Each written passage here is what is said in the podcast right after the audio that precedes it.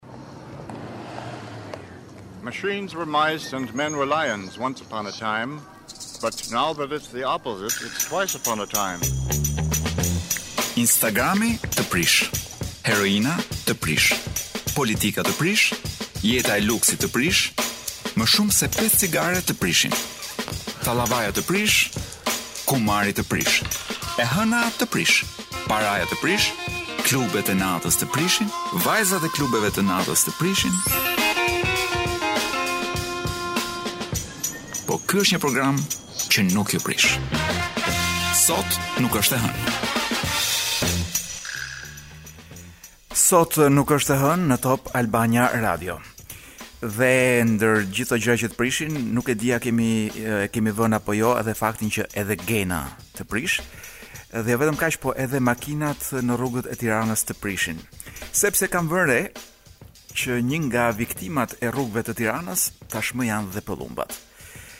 se sa shpejt duhet t'i japësh makinës që të shtypësh dhe pëllumba nuk e di. Okej, okay, mace e qen, ku di unë dhe qenie akoma më të vogla.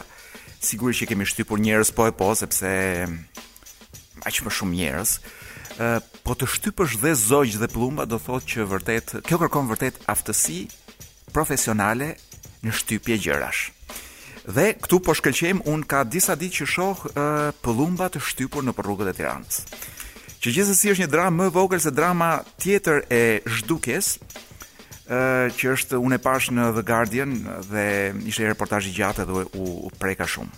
Kanë mbetur vetëm dy rinocerontë të bardhë.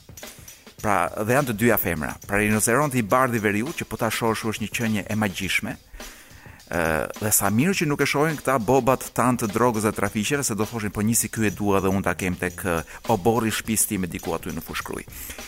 Qenie magjishme rinocerontët e bardhë të veriut.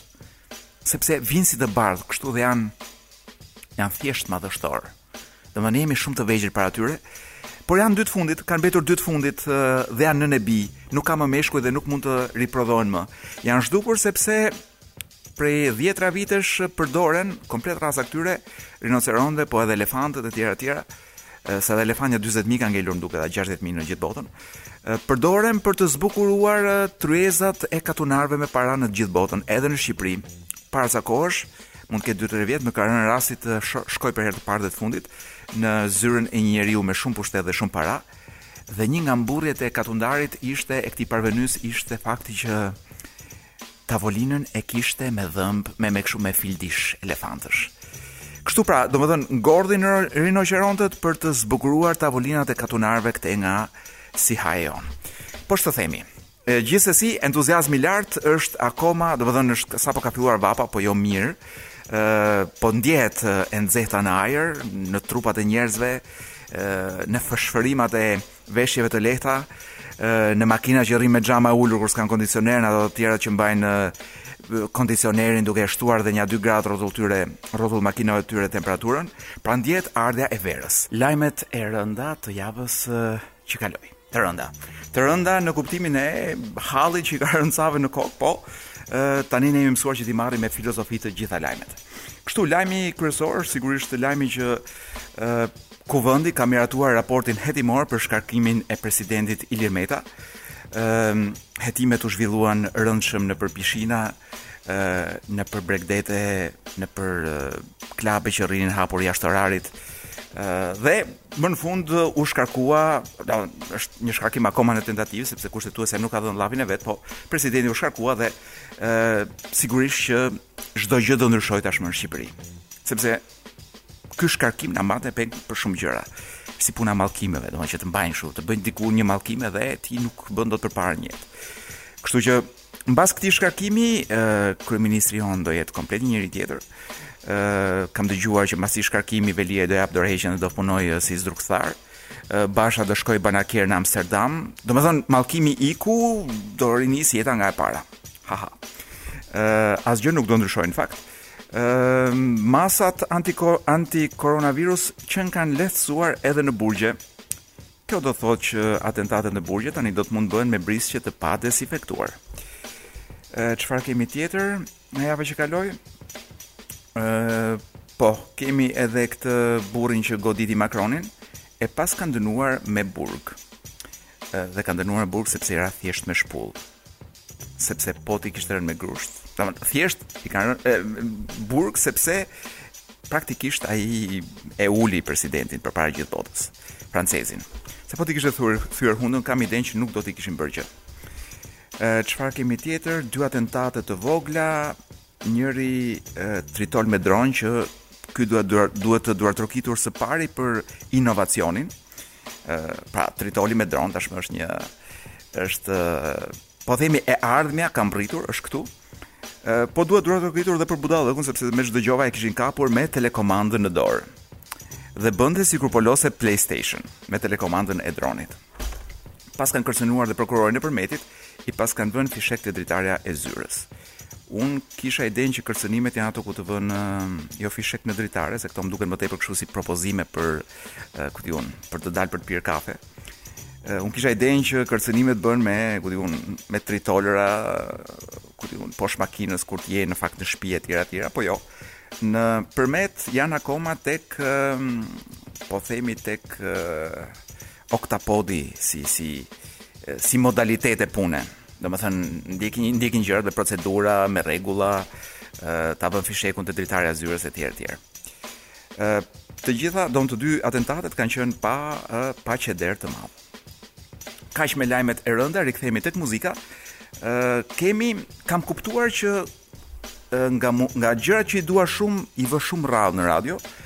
Dhe meqense Sot nuk është e hënë vazhdon deri në fund të këtij muaji dhe mbyllet sezoni për t'u rikthyer në shtator, kam vendosur që këto pak jo të hëna që do të kalojmë së bashku të vë sa më shumë nga këngët që dua. Tani jemi tek momenti i librit të kësaj jave. Kemi ndruar libër, kemi një gjë të re. Është autori i javës është Irvin Jalom. Mund të lexohet edhe Ajrvin, nuk jam shumë i sigurt. Është izraelian dhe është një profesor psikologjie, ka shkruar shumë libra.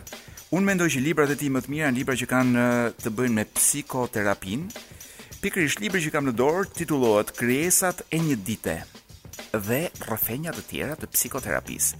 Pra ky zotria ka marrë Të gjitha rrëfimet, jo të gjitha, ka marrë, ka përzgjedhur rrëfime që i vinin nga pacientët në psikoterapi dhe i ka kthyer në tregime.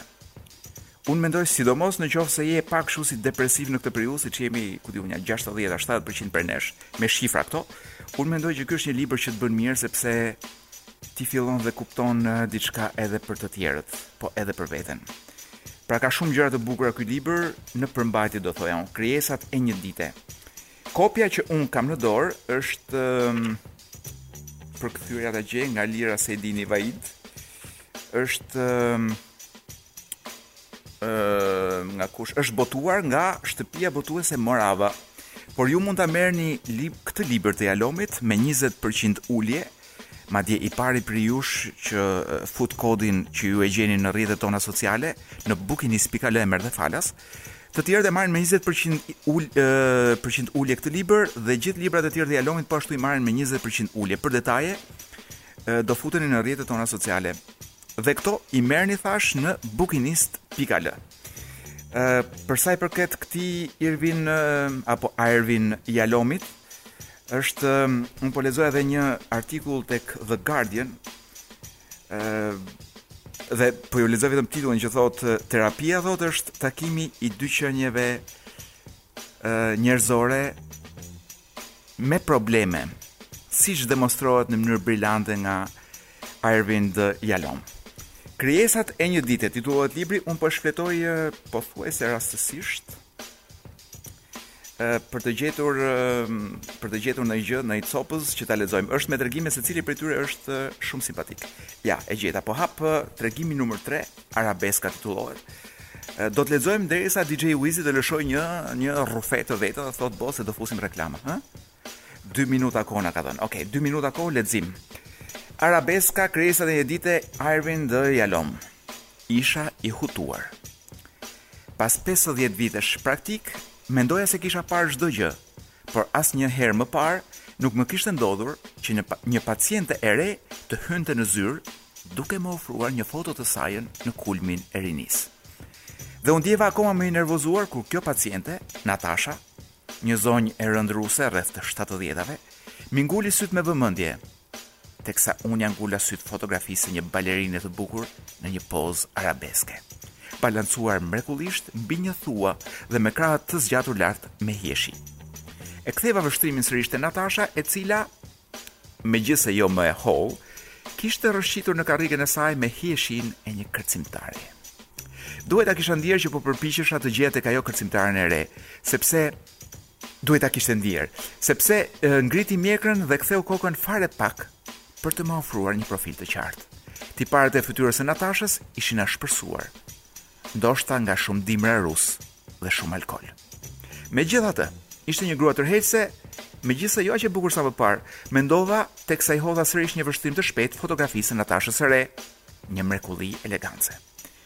A nuk kam qenë bukuroshe? pyeti ajo me naze Kur unë pohova me kokë, ajo vazhdoi. Isha balerina e parë në La Scala. Mendoni gjithnjë për veten në kohën e shkuar? Ajo u tërhoq pas. Sa pyetje e vrazhdë, doktor Jalom. Është e qartë që ju keni ndjekur kursin e sjelljes së keqe. i detyrueshëm për gjithë terapistët. Por ajo ndaloi për të konsideruar çështjen. Ndoshta është kështu, ndoshta ju keni të drejtë. Çfarë është e çuditshme në rastin e balerinës Natasha? Unë e mbylla karrierën si kërcimtare përpara se të mbushja 30 vjeç. 40 vjet të shkuara, dhe jam ndier më e lumtur, shumë herë më e lumtur që kur ndërpreva kërcimin. Pra ju e ndërpretë kërcimin dyzet vjet të shkuara dhe megjithatë sot këtu hyni në zyrën time duke më ofruar këtë foto tuajën nga koha kur ishit kërcimtare. Me siguri mendoni se unë nuk do të isha i interesuar për Natashën e sotme.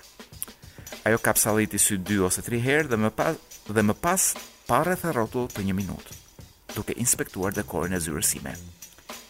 Ju kam parë në ëndërr mbrëm, tha ajo. Nëse mbyll sytë, akoma mund ta shoh. Po vija t'ju vizitoja dhe hyra në një dhomë. Nuk ishte si kjo zyra, ndoshta ishte shtëpia juaj. Kishte mjaft njerëz atje, ndoshta gruaja dhe familja juaj. Dhe unë po mbaja një çantë të madhe bezeje plot me pushkë. O po po Razilja. Çfarë ndodh në ëndrrën e Natashës?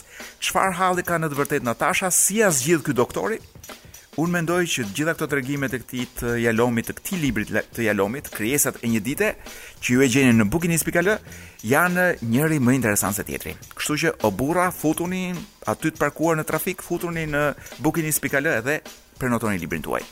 Ok, iku xhan Anini, rikthehemi tek një gjë që uh, na prek shumë dhe që është çështja e lakuriqësisë në kohën që vjen vera. Duhet t'ju flas për një trend të ri që nuk është aq i ri ndoshta, po mua më duket si i ri, domethënë e nisur nga uh, pikëpamja e një shqiptari të padalë në botë, sidomos mbas një viti e ca karantinim dhe ka të bëjë me Ka në fakt shqiptarë miq e shokë tanët ose që s'i njohim ndoshta, të cilët shkojnë nëpër këto po themi kroçerat i themi ne nga italishtja apo cruise ships nga anglishtja. ë Pra në këto mundësitë për të bredhur detin në një anije, ku di unë, një mijë veta, dy mijë veta, zbret ndonjëherë nga anija, por po në përgjithësi rri në anije, shumica prej nesh e kalon kohën duke, ku di unë, duke nxjerrë rropullitë, sepse i zë deti, Ose i, dhe i zë deti nuk se i zë nga të tundurat, se ato janë stabël, po i zë deti duke e parë, se s'jemi mësuar të shohim shumë det. Ne edhe kur shkojmë në det e kemi qejfin të shohim uh, ku di unë. Kthejmë shpinën detit dhe shohim nga nga bari. Nga beach bari. Uh, ky trendi për cilin dua t'ju flas është është shumë i bukur. Është janë këto kroçerat lakuriqe ku njerëzit shkojnë Si me thënë, kushti për të shkuar atje është që ti do ta kalosh gjithë kohën lakuriq. T'ju jap disa informacione të vogla. ë uh, këto kroçerat po po, po i quaj kroçera nga italishtja, lakuriqe, janë nuk janë seksi, pra nuk janë për të bërë seks, pra nuk janë vende, nuk janë bordello, po themi. As atje sigurisht që ka qendra masazhi, por nuk janë bordello. Thjesht kërkohet që të jesh lakuriq, po duash të bësh dhe seks bën sepse nuk të ndalon njeri, por kryesorja është kjo, që ti gjatë gjithë kohës që rri jashtë, rri në një ambient nudistësh. Pra është kjo ndjesia e të qenit naturalist. Siç të ka bërë nëna.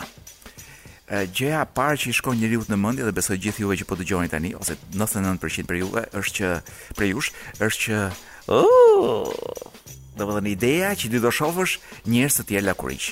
Jo se juve nuk ju pëlqen të shikoni trupa të bukur lakuriq, po juve ju shqetëson fakti që mund të shikoni ë uh, trupa po themi ë uh, të shëmtuar lakuriq.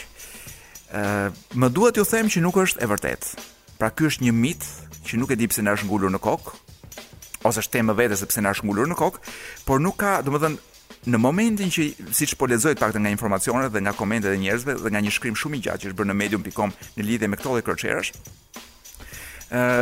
çështja është që në momentin që ti hyn dhe je në mes, po themi 2000 vetash, të gjithë të zhveshur, ty nuk të bën më përshtypje asgjë. Pra nuk është kur jemi dy mijë veta në plazh dhe zhvishet një suedeze dhe mamas shqiptare i mbulojnë sytë kalamajve dhe babai shqiptar treqind kile çohet avash avash dhe shkon i thotë suedezes gjysma rusisht gjysma anglisht ku di unë gjysma greqisht më fal nga ato copra gjuhësh që di dhe i thotë vishu se kemi kalamaj këtu pra nuk është kjo situatë ku jemi dy mijë veta të veshur dhe shohim një të zhveshur Janë të gjithë të zhveshur dhe barazia e këtij momenti të bën që ti të mësohesh dhe të kuptosh që nuk ka asgjë që të të shqetësojë. Madje, gjëja që ti kupton është që thjesht ka variacion të madh trupash.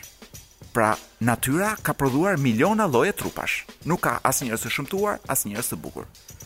Dhe vjen një moment ku edhe ajo që dikur mund të të ishte dukur një alamet vajze e bukur dhe me trup lak, do do do doje ta shihje lakuriq, nuk të shihet më ose për femrat e kundërta, kur të shihje një një model, nuk, nuk është e hënë. Sot nuk është e hënë.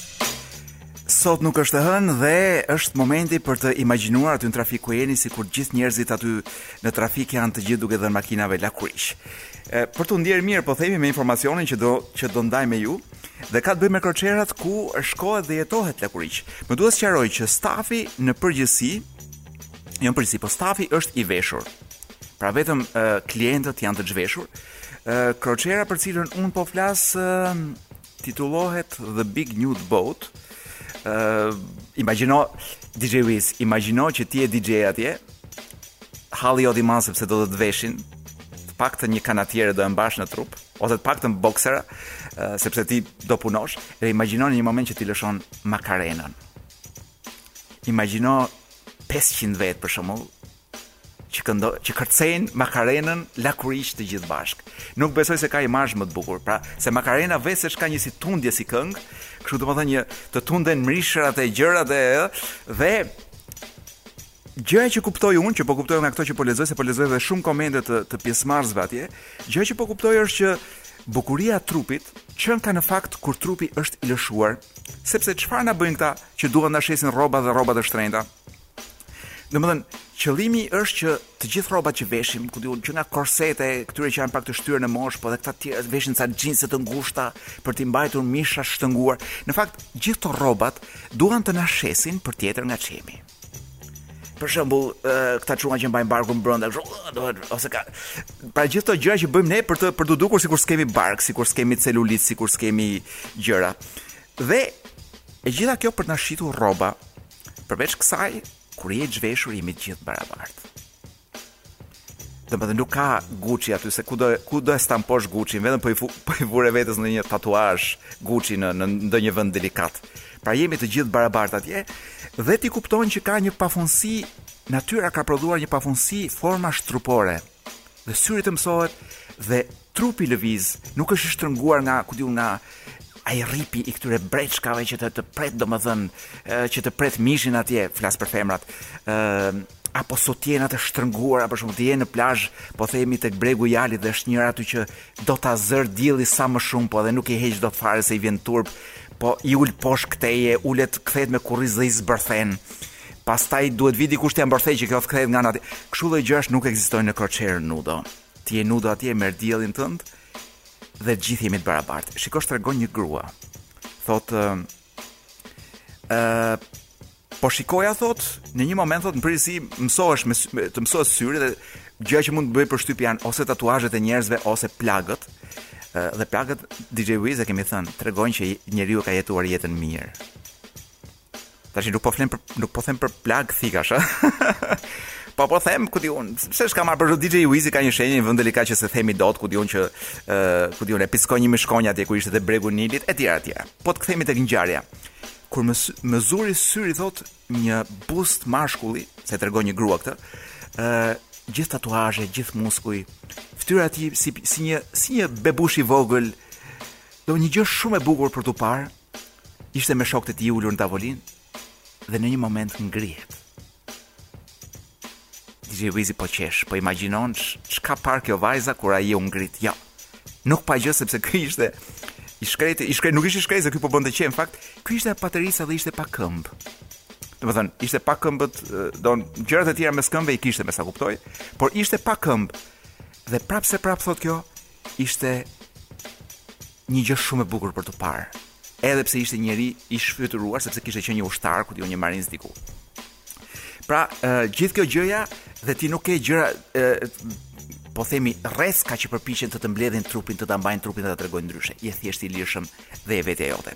Një eksperiencë e jashtëzakonshme. Unë dhe DJ Wizi herën tjetër jemi të dy DJ Don, ti DJ unë do jem si quhet ai animator ai që flet, ah, duart lart. Ku di unë gjërat lart domethën. dhe ah, edhe një gjë tjetër për të sqaruar se mos kujtoni që burrat kalojnë vërdall me flamurin e ngritur. Nuk është as është një mit. Nuk është aspak e vërtetë. Sidomos kur janë mes 1500 vetave, Edhe nja dhjetë Viagra të ketë pirë ai shkreti, nuk besoj se do ngrejë dot lart flamurin. Nga, domethënë ky është fenomeni që u ndodh burrave kur janë kështu në sytë e, ku di unë, qindra burrave të tjerë dhe grave të tjerë. Kështu pra, një eksperiencë e jashtëzakonshme ju këshilloj që ta provoni mbas të 50-tave. Domethënë të keni kryer punë me kalamaj dhe të jeni për qejfin tuaj. Rararam, rararam. Dhe ja ku jemi, në sot nuk është e hënë për të kaluar me shpejtësi në revistën e lajmeve roz. Ë do marrim pra në rishikim lajmet e javës kaluar, por nuk mund të rri pa folur për aksionin bregdeti ynë. Ë si rëndom, si vit mas viti presin pikërisht ditët kur fillon e hapet plazhi dhe vijnë turistët dhe sulet dhe shteti shqiptar sulet domethënë dërgon ë makinerira, policira, gjëra për të shkatërruar ndërtimet pa leje në bregdet. Unë përveç faktit që ndërtimet pa leje lulëzojnë në gjithë Shqipërinë, por nuk e kam kuptuar kurrë lidhjen mes fillimit të sezonit dhe shkatërrimeve. Dhe pikërisht javën që fillojnë dhe vijnë turistët, vijnë dhe gjejnë vetëm shkatërrime, ndërkohë që ë uh, ja ato 2 muaj të shkretë që ata njerëz që kanë bërë ndërtimet pa leje mund të bënin ndonjë lek ose ndonjë para, uh, nuk i bëjnë dot sepse ua prishin mu sa fillon sezoni. Kështu që në vend të të emrit të koduar Bregdeti ynë, unë do propozoja që t'ia vinim Bregdeti i armikut. Sepse përveç se kjo është pak a shumë strategjia që ndiqnin hordhitë barbare kur suleshin nëpër këto vendet e civilizuara, për shembull kur vinin prishnin Romën, për shembull. Fiks para turizmit të, të kinezëve vinin barbarët, ku di unë vizigotët dhe shkatërronin Romën. Romën ose fiks mas turizmi që vinte nga Maqedonia për shembull, apo nga Kosova, vinin turqit dhe shkatërronin Durrësin e të tjera të tjera. Pra, Bregdeti është i armikut në fakt në këtë rast.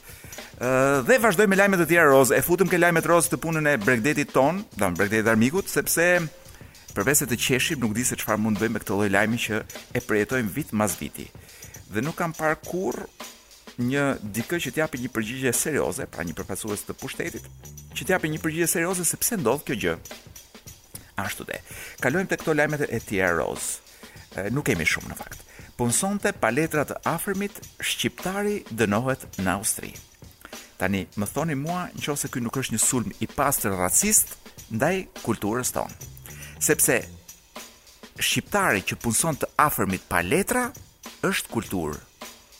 Pra ky nuk e bën as se do të ofendojë Europën, as ligjet e Austrisë, por kjo është një traditë e lashtë shqiptare. Do të shkojë i pari sa zë një çik vend diku, do sa fut një këmbë diku dhe pastaj vjen 10 kushërinj. Gjithë pa letra. Po kjo është jeta jonë. Ne kështu kemi jetuar në shekuj. Do nuk du, nuk di se pse është një lloj si të dënosh skocezët se veshin këto kiltet apo minifunde siç i themi neve. Ë, uh, domethënë turp, turpi t'i ngelet Austrisë. Dhe gjithë shqiptarëve që janë në Austri dhe nuk ngrenë zërin për të mbrojtur kulturën e tyre. Ë, uh, kemi edhe përgjysmimin e prodhimit të qershisë në Dvoran të Korçës. Më bën shumë kurioz fakti kush është ky njeriu që ka shkuar deri në Dvoran të Korçës për të marrë një lajm. Në kohën ku gazetari e bën lajmin duke ndënjur në shtëpi ose nga kafja përballë shtëpisë, dikush ka shkuar deri në Dvoran. A, që nga këta të Report TV-s. Mirë. Ë uh, mund të kenë ardhur edhe fermerët e Dvoranit deri tek Report TV, ja, do nuk është e thënë që këta kanë vajtur deri atje. Por ka, rezultati është ky që uh, Dvoranezët Dvoranezët si puna skocezëve po themi, Dvoranezët kanë vendosur që ta përgjysmojnë qershinë. Thjesht për të na bën për të na bërë neve që t'i vëmë gishtin kokës, sepse me 70 lekë për kilogram sa ç'ua marrim neve, pra neve jemi të gjithë ne të tjerët që hamë qershi, ata nuk nxjerrin dot as shpenzimet Ndërkohë që drejtori i bujqësisë, më fal, duhet ta gjej se kush është ky drejtor, shumë e rëndësishme kjo. Drejtori i bujqësisë, s'i paskan vënë emër, më duket fare. Apo, Vullnet Zoti Vullnet Gjolla, shpresoj që të jetë njeri i vërtetë dhe jo emër i stisur për sa për të bërë lajmin. Për drejtorin e drejtorisë së bujqësisë, e vetmja mënyrë është rritja e çmimit të qershisë në treg. Sigurisht, drejtori ë Nuk ka dëgjuar ndoshta që në në botën, po themi në botën e civilizuar shteti investon, pra shteti i subvencionon fshatarët që mos e lënë qershinë, kështu që të kalbet. Pra shteti e do qershinë. Dhe nga dashuria për qershinë vjen dashuria për gjëra të tjera. Po jo, një shtet që nuk dashuron qershinë, dhe nuk ndihmon dot fshatarët që ta mbledhin atë, pra duke i subvencionuar, nuk na do as neve, nuk do as veten e vet. Kështu pra. Turp TV, iku. Me kaq kishim këto ishin lajmet tona roz, ky fundi ishte çik si ngjyrë vishnje. Sot nuk është e hënë dhe jo vetëm kaq, po sot nuk është as kohë moderne. Pra ky është momenti kur nuk është kohë moderne. Fare, me po, Blerina Shehun. Përshëndetje mirë se ju gjej, përshëndetje të gjithë. Sa po kam pritur në në Me valixhen e saj plot me me me vegla pune. Exact. Dhe veglat e punës janë që nga lapsi stilolapsi e deri tek sëpata. Këshilla, këshilla bukurie, nuk e di. Gjithë gjëra që i duhen një gazetari të mirë ti ke. Më thuaj çfarë të duhet. Tani një hanxhar i vogël i duhet gazetarit. Këtu s'të japin një gur të çash kokën ti dashka Po pra, ti kur shkon në studio, shkon me një hanxhar Se s'i dihet, si vjen puna Kemi parë gazetarë që, domethënë, këtu te ne nuk ndodh shumë Por po në Kosovë kam parë që Gjatë një debati, ky burri hidhej matanë tavolinës Për të kapur për fyti tjetrin Dy burra Po, po ky, po ky kishte, kish lënë thonj të gjatë dhe ishte çik i avantazhuar. Në këtë rast, gazetari mm. hap çantën e vet, nxjerr veglën e përshtatshme dhe vazhdon debatin e civilizuar. Blerina, po më thoje për gjestin e bukur, pardon momentin që DJ Wizi tha futemi, ne po flisim për një gjë të bukur. Po, në fakt Ma mbaro bisedën që nisëm për çe, ma mbaro. Ndër gjërat më të komentuara të këtij evropiani, momenti delikat i humbjes së ndjenjave të njërit prej lojtarëve danezë, të cilit unë nuk e mbaj mend emrin sepse nuk jam një ndjekëse e futbollit, por jam një ndjekëse e sjelljeve sociale dhe njerëzore, sidomos kur kanë lidhje me komunikimin publik dhe kapiteni i skuadrës daneze bën një gjest që është trumbetuar shkulën leshra të gjithë nga të gjithë dhe në fakt ishte gjesti më njerëzor që sidomos ne shqiptarët ose te ky pellgu i i Evropës gjaknxehtë që ndoshta do të ishte rendur të fotografonte, të shpërndante në rrjete sociale, në portale. Siç dhe po bënin njerëzit në fakt nga, ku di unë, nga tribunat e stadiumit. E gjithë kjo shfaqje u minimizua Falë atij angazhimit dhe murit po. njerëzor që ngriti pikërisht kapiteni i skuadrës daneze. Besoj që është një traditë që ne këtu në radio kemi pasur gjithmonë, para vetëm para pak një dy tre. Para një po po, po para një dy tre ditësh, dy tre netësh kishim një festë kështu si të radios, ndonjë gjë kështu të brendshme. Edhe u bëmë do DJ Wizi po puthej me dikë dhe ne u bëmë një mur kështu rrotull që mos mos paparacët mos e Wizi paska shpëtuar. Ë, ndërkohë që këtë episodin që po më thua, Aha. unë rastisa që po e shihja, po rastisa pa uh mhm. -huh. dashjen dhe pa dijenin time, me një grup njerëzish që dolën që qenkëshin, do nga ky episod kuptova që ishin njerëz të fushës. Pra ose ish futbollistë ose trajnerë ose ku di unë gjëra të tjera. Si u komentua? Dhe po tregonin dhe kuptova që në Shqipëri paskemi pasur plot nga këto hallet kështu. Dhe e mban mend atëherë kur dhe asgjë që ndodhi aty nuk ka ndodhur në fushat tona, pra që nga fillimi deri në fund. Në fushat tona nuk të vjen dot mjeku me me, me gjithë pajisjet që duhen për mm. shembull dhe nuk ka mundësi të ta shpëtojë jetën në vend. Kolegëve nuk u shkon mendja të bëjnë këtë gjënë e murit. Ku di unë, ose në fakt mjeku shkon dhe duhet zihet me me shokët që po i rrinë gjithë te koka dhe i zënë frymë etj po, po, po. etj. Pra kuptova që jemi edhe në këtë fushën e po themi e show-t të po, futbollit. Po fakti që ka bërë jehonë të madhe ky lajm do të thotë që ka qenë i veçantë edhe ndoshta i përket shumë ngushtë mentalitetit, kulturës edhe dinjitetit njerëzor danez. që është po themi se ne kemi këtë frazë ma bën, bëj si suedez domethënë ne kemi këtë këtë gjë që po dikush tenton të të të përhap nga këto lloj ku di unë i desh vërda ose të kërkoj po. standarde apo bolla bërë si suedez domethënë. Duhet ta ndërrojmë, duhet të themi bolla bërë si danez. eh, unë them që përpiquni të mos e përsërisni atë ngjarje në plazh, sepse nuk do ju bëhet don. Pra mos u rrëzoni pa ndjenja në plazh. Nuk do gjeni kurrë një mur që t'ju mbrojë nga e vërtetë, e vërtetë. Që t'ju mbrojë nga uh, ku di unë, nga gjithë filmimet. Ose do të jetë një mur që do të tërheqë më shumë vëmendjen sepse do të jenë të gjitha të gjithë zotërinjtë dhe zonjat po në rroba banje. Po shpreson, po shpreson kot tek muret. Do shqiptarët, përpara se në vend që ta përdorin celularin për të njoftuar policin, apo ku di unë ambulancën, policinë çfarë njoftohet, fillimisht ë do bëjnë video dhe foto, do e nisin gjithë grupeve të WhatsApp-it. Dikush edhe në këto portalet nga qejfi që shofi produktin e vet video të dalë të bëjë xhiron e rrjetit dhe pastaj ndoshta dikush do thotë mos ka ndonjë njeri që merr vesh këtu Se mjek është fjalë e madhe për plazhet shqiptare. Po mirë, unë them të largohemi nga këto halle dhe të shkojmë tek gjërat e bukura, tek ndjenjat, tek dashuria, tek ajo për të cilën ne takohemi çdo të hënë në këtë po, orë së bashku. Për cilën kemi ardhur të flasim, do flasim për gjëra të rëndësishme sot, gratë, domethënë në këtë përplasjen e titanëve do thoja unë. Mashkulloria me grarinë. Po. Pra që s'e kuptojnë dot njëra njëri tjetrin dhe njëra tjetrën. Nuk arrijnë të lexojnë mesazhet e njëri tjetrit. Neve sot do ju tregojmë se çfarë mesazhesh i dërgon graria burrërisë dhe burrëria nuk i kupton. Eksakt, dhe si duhet t'i lexojë në mënyrë që të jetë eficient, të kuptojë aty ku duhet të ndalet dhe aty ku e ka dritën jeshile dhe të ecë përpara. Ashtu de. Edhe pse më duhet të them që këto që do flasim tani ndoshta mund të jenë pak që të prishin nga trutë e kokës. Unë sot do thoja që jo vetëm që nuk të prishin, por edhe të, të rregullojnë punë, mund të të rregullojnë jetën nëse je i vëmendshëm dhe arrin të lexosh ashtu siç duhet sinjalet që një grua, një femër, ashtu. Pa eksperiencë, do të thoja, do ta nënvizoj si, nga hera si, e kaluar. Si të gjitha gratë që po na dëgjojnë tani. Lëshon ndaj një burri. Duhet thënë si fillim që burrat kanë një kështu koloko. Kanë shumë, unë në biseda të gjata, po jo ka një kështu, po ka kanë shumë kështu. Në biseda të gjata me DJ Wizin, i cili më qan hallet e klientelës së vet, kur luan nëpër klabe, ë është i detyruar që të stimulojë gëzim dhe kërcyeshmëri në njerëz që janë shumë të frustruar. Po, e kuptoj. Me përjashtim të rasteve kur në klabet tona vajzat ofrojnë seks në në këmbim të parave dhe burrat kanë para nëpër xhepa. Po nuk shkon ti duat aty. Dhe kërkojnë të bëjnë këtë këmbim. Pjesa tjetër, njerëzit po themi normal që shkojnë për t'u pëlqyer dhe për t'u parë, janë vazhdimisht të frustruar. Unë... Siç më tregon DJ Wizi se mua nuk më lënë më, ka vite që s'më lënë më nëpër klabet e Tiranës. për sjellje të pahijshme. Unë kam vënë. Sa edhe pi ujë, nuk pi, nuk pi. Në Tiranë s'luhet, rrihet në celular për orë të tëra, një kënaqësi e paparë në Instagram bëhet nami.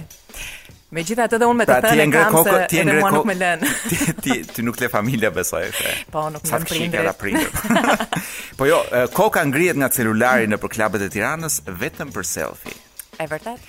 Dhe buzëqeshet vetëm për selfie, pastaj gjithë kohën tjetër njerëzit rrinë sikur kanë vrarë dikë dhe presin të vijnë t'i arrestojnë, ose sikur po presin të ndodhë diçka e rëndë. Por të bëjmë sikur s'jetojmë në Shqipëri. Po. Sikur jetojmë në Shtetet e Bashkuara të Amerikës? Në Danimarkë. Në Danimarkë. Le të le të bëjmë sikur jemi njerëz danezë dhe të japim këshilla për e, për danezët. Problemi i madh më thot DJ Wizi, burrat për t'u afruar ose djemtë për t'u afruar vajzave, ë sepse nuk dinë ç'të bëjnë. Në fakt, i kemi kaluar gjithë ne djemuria këto hallet që ti shef një vajzë që të pëlqen, dhe nuk arrin dot, domethënë, dhe ke një boshllëk në kokë. Dhe e bukur e di çfarë. Përpiqesh të kuptosh, por nuk kupton gjë. Nga ana tjetër, e bukura është që vajzat mendojnë që janë shumë të qarta në atë që janë duke u munduar të komunikojnë me gjuhën e trupit. Pra, nuk e kuptojnë se si nuk ndodh mrekullia. Pra mendimi ke, duke na folur Po, ose nuk kuptojnë se si mund të ndodh uh, avanci Kur ajo është duke dhënë sinjale të qarta që personi përballë ky djalë duhet ta mbyllë aty tani mos e zgjat. Unë nuk kam arritur kurrë të kuptoj asnjë sinjal. Më thuaj një çfarë mund të ishte sinjal që unë e kam Po për shembull, për shembull, ë nëse një vajzë hyn në një dhomë që mund të jetë dhoma e një restoranti, një një sallë biblioteke, një Patjetër, aty ku aty ku gëlon rinia. dhe uh, me gjithë se rreth e rrotull është bosh, Ajo fillon të kërkojë lart e poshtë, pasi ka hasur prezencën e një djali që ndoshta atë e ka tërhequr, ë, po flasim gjithmonë kur asaj i pëlqen ky person. Kështu në në pamje të parë. Pra, siç po ma thua ti, një vajzë sapo hyn, po themi që është pak në kërkim të të flirtimit, pra, sapo hyn në një sallë ose në një, një lokal apo një bar apo restorant, ë, menjëherë për sa sekonda mendon ti që i duhet një vajze për të identifikuar atë që i pëlqen. Tani nëse është një mirin, më të bukurin, më të zgjuarin. Nëse është një vajzë në kërkim, do të mjaftojnë shumë pak sekonda. Kolo është një Ze, radiografi me, me, me presje, zero presje. Po. Okej, okay, e qartë. Ë, ndërsa, ndërsa, nëse ju jeni ulur, ju jeni burra, çuna. Po. Dhe jeni ulur në këtë hapësirë boshe dhe shihni që po afrohet një vajzë të cilën ju me shumë qejf do ta kishit afruar për t'i bërë një muhabet, por ajo hyn dhe vendos kufjet dhe ulet menjëherë në të parin vënd që i del përpara dhe fillon interesohet vetëm për gjëra që ka rreth e qark saj në një reze prej pak centimetra. Do thotë që kjo gocë... Do të thotë që është e kotë që edhe nëse ka pasur një shkëmbim shikimi të bërë. Pra, këtu mos u lodh. Është rastësor. Po kur duhet të lodhemi? Do kur çfarë më thuaj vetëm sinjale pozitive, më vetëm lajme të mira, lutem. Kjo e para që ajo fillon dhe kërkon sikur të mos kishte asnjë vend për të ulur në dhomë. A bën kështu ku do ulet? Dhoma është bosh dhe kam parë shumë histori që hyjnë për shembull katër gra, po. ku tre janë të martuara stabilizuar, po. njëra është që kërkon këto tre duan të ulen se duan këto duan atë poltronë e rehatshme kështu që të hapen kështu shtrijnë ato këmbët, të heqin dhe këpucët se janë lodhur shumë. Mbaj taka kush po çan këto taka kur je martuar. Dhe vetëm njëra thotë, po pse të ulemi këtu, thotë, po sikur Kjo e shkreta po kërkon vendin e po, mirë për veten e vet ku të të krijojë këtë flirtimin. Tani nëse ti je aty, jo ti, ti fjala që bie, ë, një shoku yt. Po, po ti më ja them dikujt tjetër se po, tash. Po, thua që shiko ke këtë zonjën që ndoshta do donte një bisedë Iku kjo, kur ajo kërkon vëndin, një Pikë. Mor, DJ Wiz, lapsi Edhe ju që jeni në makinë, nxirrni një laps aty Dhe keni diku një copë lapsi, e mbani shënim Tani, problemi qëndron në momentin kur Gabimisht, gabimisht, sytë dhe vështrimi i kësaj vajze has në sytë dhe vështrimin e një djali. Nuk e di për cilën arsye djemt në atë moment të Ulin saktë sytë. mendojnë se ajo po e fton për të, për një darkë. Ti e the pra sapo sapo the që mul jo, përpara. Jo, prit. Ka, ka një moment të dytë. Nëse ndodh ky shkëmbim shikimesh dhe ajo buzëqesh, atëherë ti ke dritën jeshile të semaforit për të. Nëse buzëqesh. Afruar. Kjo drita jeshile. Pra po buzëqeshi. Mos e mbivlerësoni një shikim sysh. Një shikim sysh nuk është asgjë. Nëse pasohet nga një buzëqeshje, atëherë do të thotë diçka. Pra, uh, fjalia e pa, u pa nuk vlen më. Kush e thotë? Kjo me të pa, do të thonë e para nuk nuk ka nuk pas ka vlerë me sa kuptoj. Ua, po ne që jemi parë kot o DJ Wiz. Gjithë jetën shkon për lokale shih e thua ua. Më më pa. Ky ky është problemi, po, po po flasim pikërisht për ju, për ju që pra, s'merrni vesh, nuk kuptoni asgjë. Do të jetë e parë me buzëqeshje. Me buzëqeshje. Kështu, ndoshta edhe sporadike ose kështu gati. Se jemi vërtet në radio, po nëse mund të bësh një buzëqeshje që të kuptoj unë dhe t'ia përkthej publikut si është buzëqeshja. O është një... pra buzëqeshja është vetë është kryesisht me sy. Mos prisni që të gajaset. Po, vetëm për kolon. Edhe po. DJ Wizin. Pastaj e ke parasysh atë uh, pallojin kur uh, ti i afrohesh dhe ti, domethënë. Unë kam pasur historikisht frikë nga pallonjtë, se Vërtet e ka. Po, sepse më duket një kafsh që të bën ka... është një po, është një shpend i cili të të bën një lloj kashilliku që unë nuk e nuk e mbaj dot. Me bukurinë e saj ti. Jo, me me sht, me me shpalosjen, domethënë, se çfarë gjithmonë ka një gjë tjetër për të nxjerrë, domethënë. Eksakt. Ajo ndodh me një vajzë në çastin që është duke i komunikuar një djali që po ti mund të bëhesh përpara. Pra kur ajo hap bishtin do thuash, kur ajo hap bishtin dhe fletët dhe dhe në mënyrë figurative hap bishtin, në, në të vërtetë ajo që bën është që fillon të prekë flokët, nuk nuk është se po i kruhet koka, domethënë. Nuk është se do nxjerr diçka me pendë dhe do e tund. Jo, por fillon bën nga këto gjestet e vogla. Ka një gjë prej palloj do thuash ti. Eksakt. Prej o DJ Wi se ti je një çik kështu kë skej për cjell këtu në studion e radios dhe tima. Ë si thuhet femrës së palloit? Mos më thuaj pallesha se s'ta pranoj. E, nuk nuk e di si ka. Po mund të na shkruajnë dëgjuesit. Pallesha, pallonjëzja. Pallonjëshka.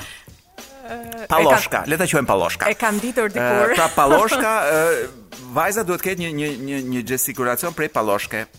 Si me thënë të, të fillon të tregojë gjëra. Domethënë nxjerr nëse ka një çantë të bukur, nxjerr nëse ka një palë çorape të bukura, nxjerr po ka ku po, duhet. Palloshka ka... beg, palloshka shuz. Çfarë çfarë ka çfarë ka të bukura i nxjerr të exact. gjitha do thuash ti. Po, Por me me një lloj delikatese. Pra mos prisni që t'ua vërvisë surratit. Po. Edhe një sinjal e morëm vesh. Tjetër. Çfarë ndodh? Ëm për shembull, meqenëse jemi në situatë evropiani, ndodhesh në një ambient ku ajo është prezente dhe je komplet i përfshirë nga ndeshja dhe ajo të afrohet pra ti je atje për të parë ndeshje dhe jo gratë Exakt Po është njëra që do me të pa ty thua ti Dhe ajo afrohet edhe pret në mënyrë konstante që ti ta pyesësh me cilën skuadër je ti megjithëse ajo nuk e ndjek fare futbolin ose ndeshjen. Ky është një sinjal i qartë që ajo do të kishte interes të njihej. Ah, pra jalla, jalla çmë the. Domethënë ajo nuk do vërtet të shofi futboll, jo. por ja. e shkreta kujton se un për shembull ose DJ Wizing në këtë rast, se ky ky i eksploron këto vendet e futbollit. Ë uh, kujton se ky është vërtet i interesuar për futbollin dhe ajo përpiqet të gjejë një gjë të përbashkët për të hapur një një lloj muhabeti. Po, meqenëse jemi në këtë Dhe pyet sa me sa janë Po kur, më fal, po kur të pyet a ke çakmak Kur ti dukshëm nuk ke asnjë çakmak mbi tavolinë Kjo është, kjo është varianti shqiptar i të njëjtës situatë I versionit të, po Po kur ajo të thotë, çuni një makato me qumësht të ftohtë sepse ti rastisht ke veshur një një këmishë të bardhë. Ti duhet të jesh kamarieri në këtë rast. Ajo të kamar, pra nuk është pra realisht të ngatron për kamarier apo po bën sikurse s'po s'po kupton. Bëre shumë mirë që ma shtrove këtë pyetje se vdes për këtë për gjigje. Duhet të fillojmë të kombinojmë pak të dhënat. Tani ne dimë tre gjëra deri tani dhe kjo ishte e katërta. Nëse një buzëqeshje kombinohet me një shkëmbim vështrimesh, me një prekje flokësh dhe me një interes ndaj sportit. Ndërkohë që ajo që në fillim erdhi dhe u ul si me në exact. pozicionin që të ketë kontakt me ty, pra edhe por dhe buzëqeshi, ndërkohë që shpalosi pal, palloshkat. Exact. Dhe ndërkohë filloi ndeshja, bëjeni bashkë të gjitha këto. Po, dhe pikërisht në këtë moment ty të vjen e dashura Dhe ulet në tavolinë. Aty nuk besoj që ka një interes. Jo, unë desha thosha, mos duhet i binim çik më shkurt. Domethënë, pse duhet kemi? Nëse sinjali tjetër, sa sinjale na u bënë shumë na u bënë. Sinjali tjetër është i pesti, ishte është ky që do të themi është kur për shembull, për shembull, ajo avash avash në një mënyrë ose një tjetër, siç po thoje pak më përpara ato katër zonjat, tre të martuara një. Jo? Në qoftë se mund të të ndërpres, po. se u kujtova se ja kshu mendjes fillon kujtesa të hapë ca dyer. Ë, uh, po kur Po kur të rrimë tek ajo që po thonim, që ajo thotë gjëra që kanë lidhje me ty. Po. Po kur ti je për shembull shumë i shkurtër. Dhe dhe ajo fillon dhe shan njerëzit e gjatë. Po, po, është një sinjal i qartë. Që do të thotë që edhe pse je i shkurtër, unë kam qejf për shembull thotë na nxiu jetën ky i gjati, mor mor ku tash Do ta vras këtë të gjatin. Pra kur ajo thotë kështu gjërash kundër të gjatit, a mund ta marrim si sinjalizim që i pëlqen i shkurtri që në këtë rast je ti në në në një bar? Jo, në atë rast besoj që duhet të po kuptosh po që s'ha politika, po jo. ka votuar për për Lul Bashën. Jo Lul Bashën. për një Bardh Kadillin. Sa më po ka votuar për Bardh Kadillin dhe thjesht ve nervat e votimit në tavolinë. E kuptova. Ose për pra, mos ja, mos ja marrim sharjet ndaj të gjatit nuk janë sinjale. Ti duhet të dish të kombinosh sinjalet. Nuk mund të marrësh njërin dhe të shkosh si tren pa frena. Pra, po si ishte njëshi dyshi mos merr vetëm të jo, katrin jo, sepse ndryshe Jo, duhet i kombinojmë. Dhe pastaj. Dhe pastaj është kur tjetër. kur fillon të afrohet avash avash tek vendi ku je, ku qëndron ti. Ë, nëse për shembull jeni në një klub edhe jeni në dy skaje të ndryshme të vendit. Po dhe, dhe ti ndërkohë që ti bën au iu me shokë kështu kur ajo vajza që ishte 10 metra larg ishte që ka 2 metra. Eksakt. A vërtetë, kjo është një sinjal që ose ajo po ik, po, po ikën atij tjetrit që po e ndjek, domethënë edhe. Eksakt, dhe kërkon ndihmë. Ka edhe një pikë të zezë në dorë që është ajo që tregon që duhet të telefonosh policinë. Oh. Pra, gjithçka është deri tani është se e kam pothuajse përpara syve DJ Wizin dhe vajzën që DJ Wizi po përpiqet ta zbërthejë me sinjale.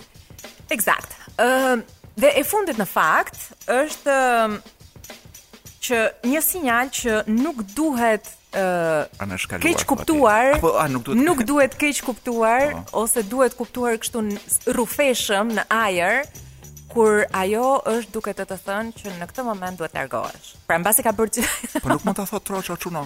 Na ler rehat çuno. Po, po duhet të të japi sinjale edhe po për këtë. Po se nuk ngjan mirë, nuk ngjan mirë. Nuk ngjan mirë. Ëh, Pra, nëse ajo vendos mes teje dhe vetes diçka. Një burrë tjetër. Që mund të jetë. Do thotë. Një njeri, një burrë tjetër.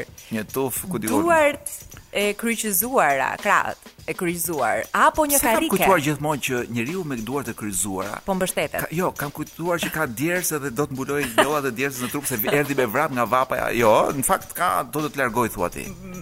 Sipas studimeve, sepse janë të gjitha studime serioze, ë në këtë rast ju nuk duhet ta zgjasni as një sekondë. E kuptova.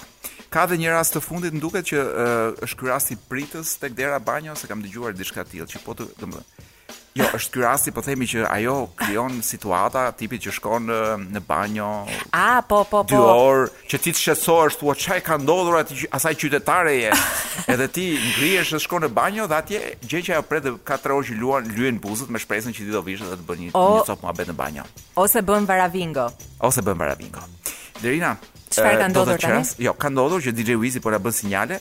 Ë, do të thotë, kujtova se ishte duke na lëshuar ca sinjale për ta Po, DJ Wizi është është troç, nuk okay. nuk nuk përdor palloshka në këtë rast. Përveç se kam zbuluar shumë vonë, po është këngë kështu para se ti të kishe lindur, besoj. Ë, uh, dhe thotë ky ti pa folur asnjë gjë, më po më the kaq, do të thon, më më tregove gjithë botën, po pa folur asnjë fjalë. Me eh, pak gjeste dhe mund... po mendoja që muziku shkruan tekste më të mira se kjo. Po, kjo mua kjo më pëlqen çuditërisht. Ëm, um, I kemi mbyllur gjithë hallet e. I tham të tëra. I tham. Po. Un uh, sugjeroj gjithmonë çunat të lexojnë, siç thotë edhe kënga, gjestet, të lexojnë shenjat që të arrijnë botën, të mbajnë botën në krah. Po edhe po nuk lexuat, vini një 500 euroshe në ballë dhe është do unë besoj që transaksioni është më se i qartë. Po nuk mund ta rrënosh kështu të gjitha ato që ngritëm në këto pak minuta. do ta do ta rindërtojmë javën që vjen. Kohë jo moderne me Blerinën, pra kjo pjesa e fundit e, e programit sot nuk është e hënë, rikthehet javën që vjen në ora po themi. Javë të mbarë. Deri javën që vjen, u uh, harrova të them. Ne largohemi, por pa. Po. në studio vjen. Pra, në qoftë se ju jeni ai fëmija i cili gjithë jetën Kur lozte futboll me shokët nuk i pasonin kurrë, po e mbanin vetëm për numër, kohë që t'i thoshin ja luajti edhe ky dhe vije vërdallën për fushë dhe s'merre kurrë një pas, ky është momenti që ti të dëgjosh nga një shok që si puna jote ka vuajtur, po ja ku ka arritur në radio dhe ka bërë dhe një emision që quhet Paso. Pas. Dhe, po. Flet për Europianin, është Denis Zynjaja dhe në orën 9 vjen Jonka, pra ju flet Jonka, jo ah, Moska, okay. ju flet Jonka. Gjithmonë në Top Albania Radio me Blerinën do takohemi javën që vjen. Puç puç. Puç puç.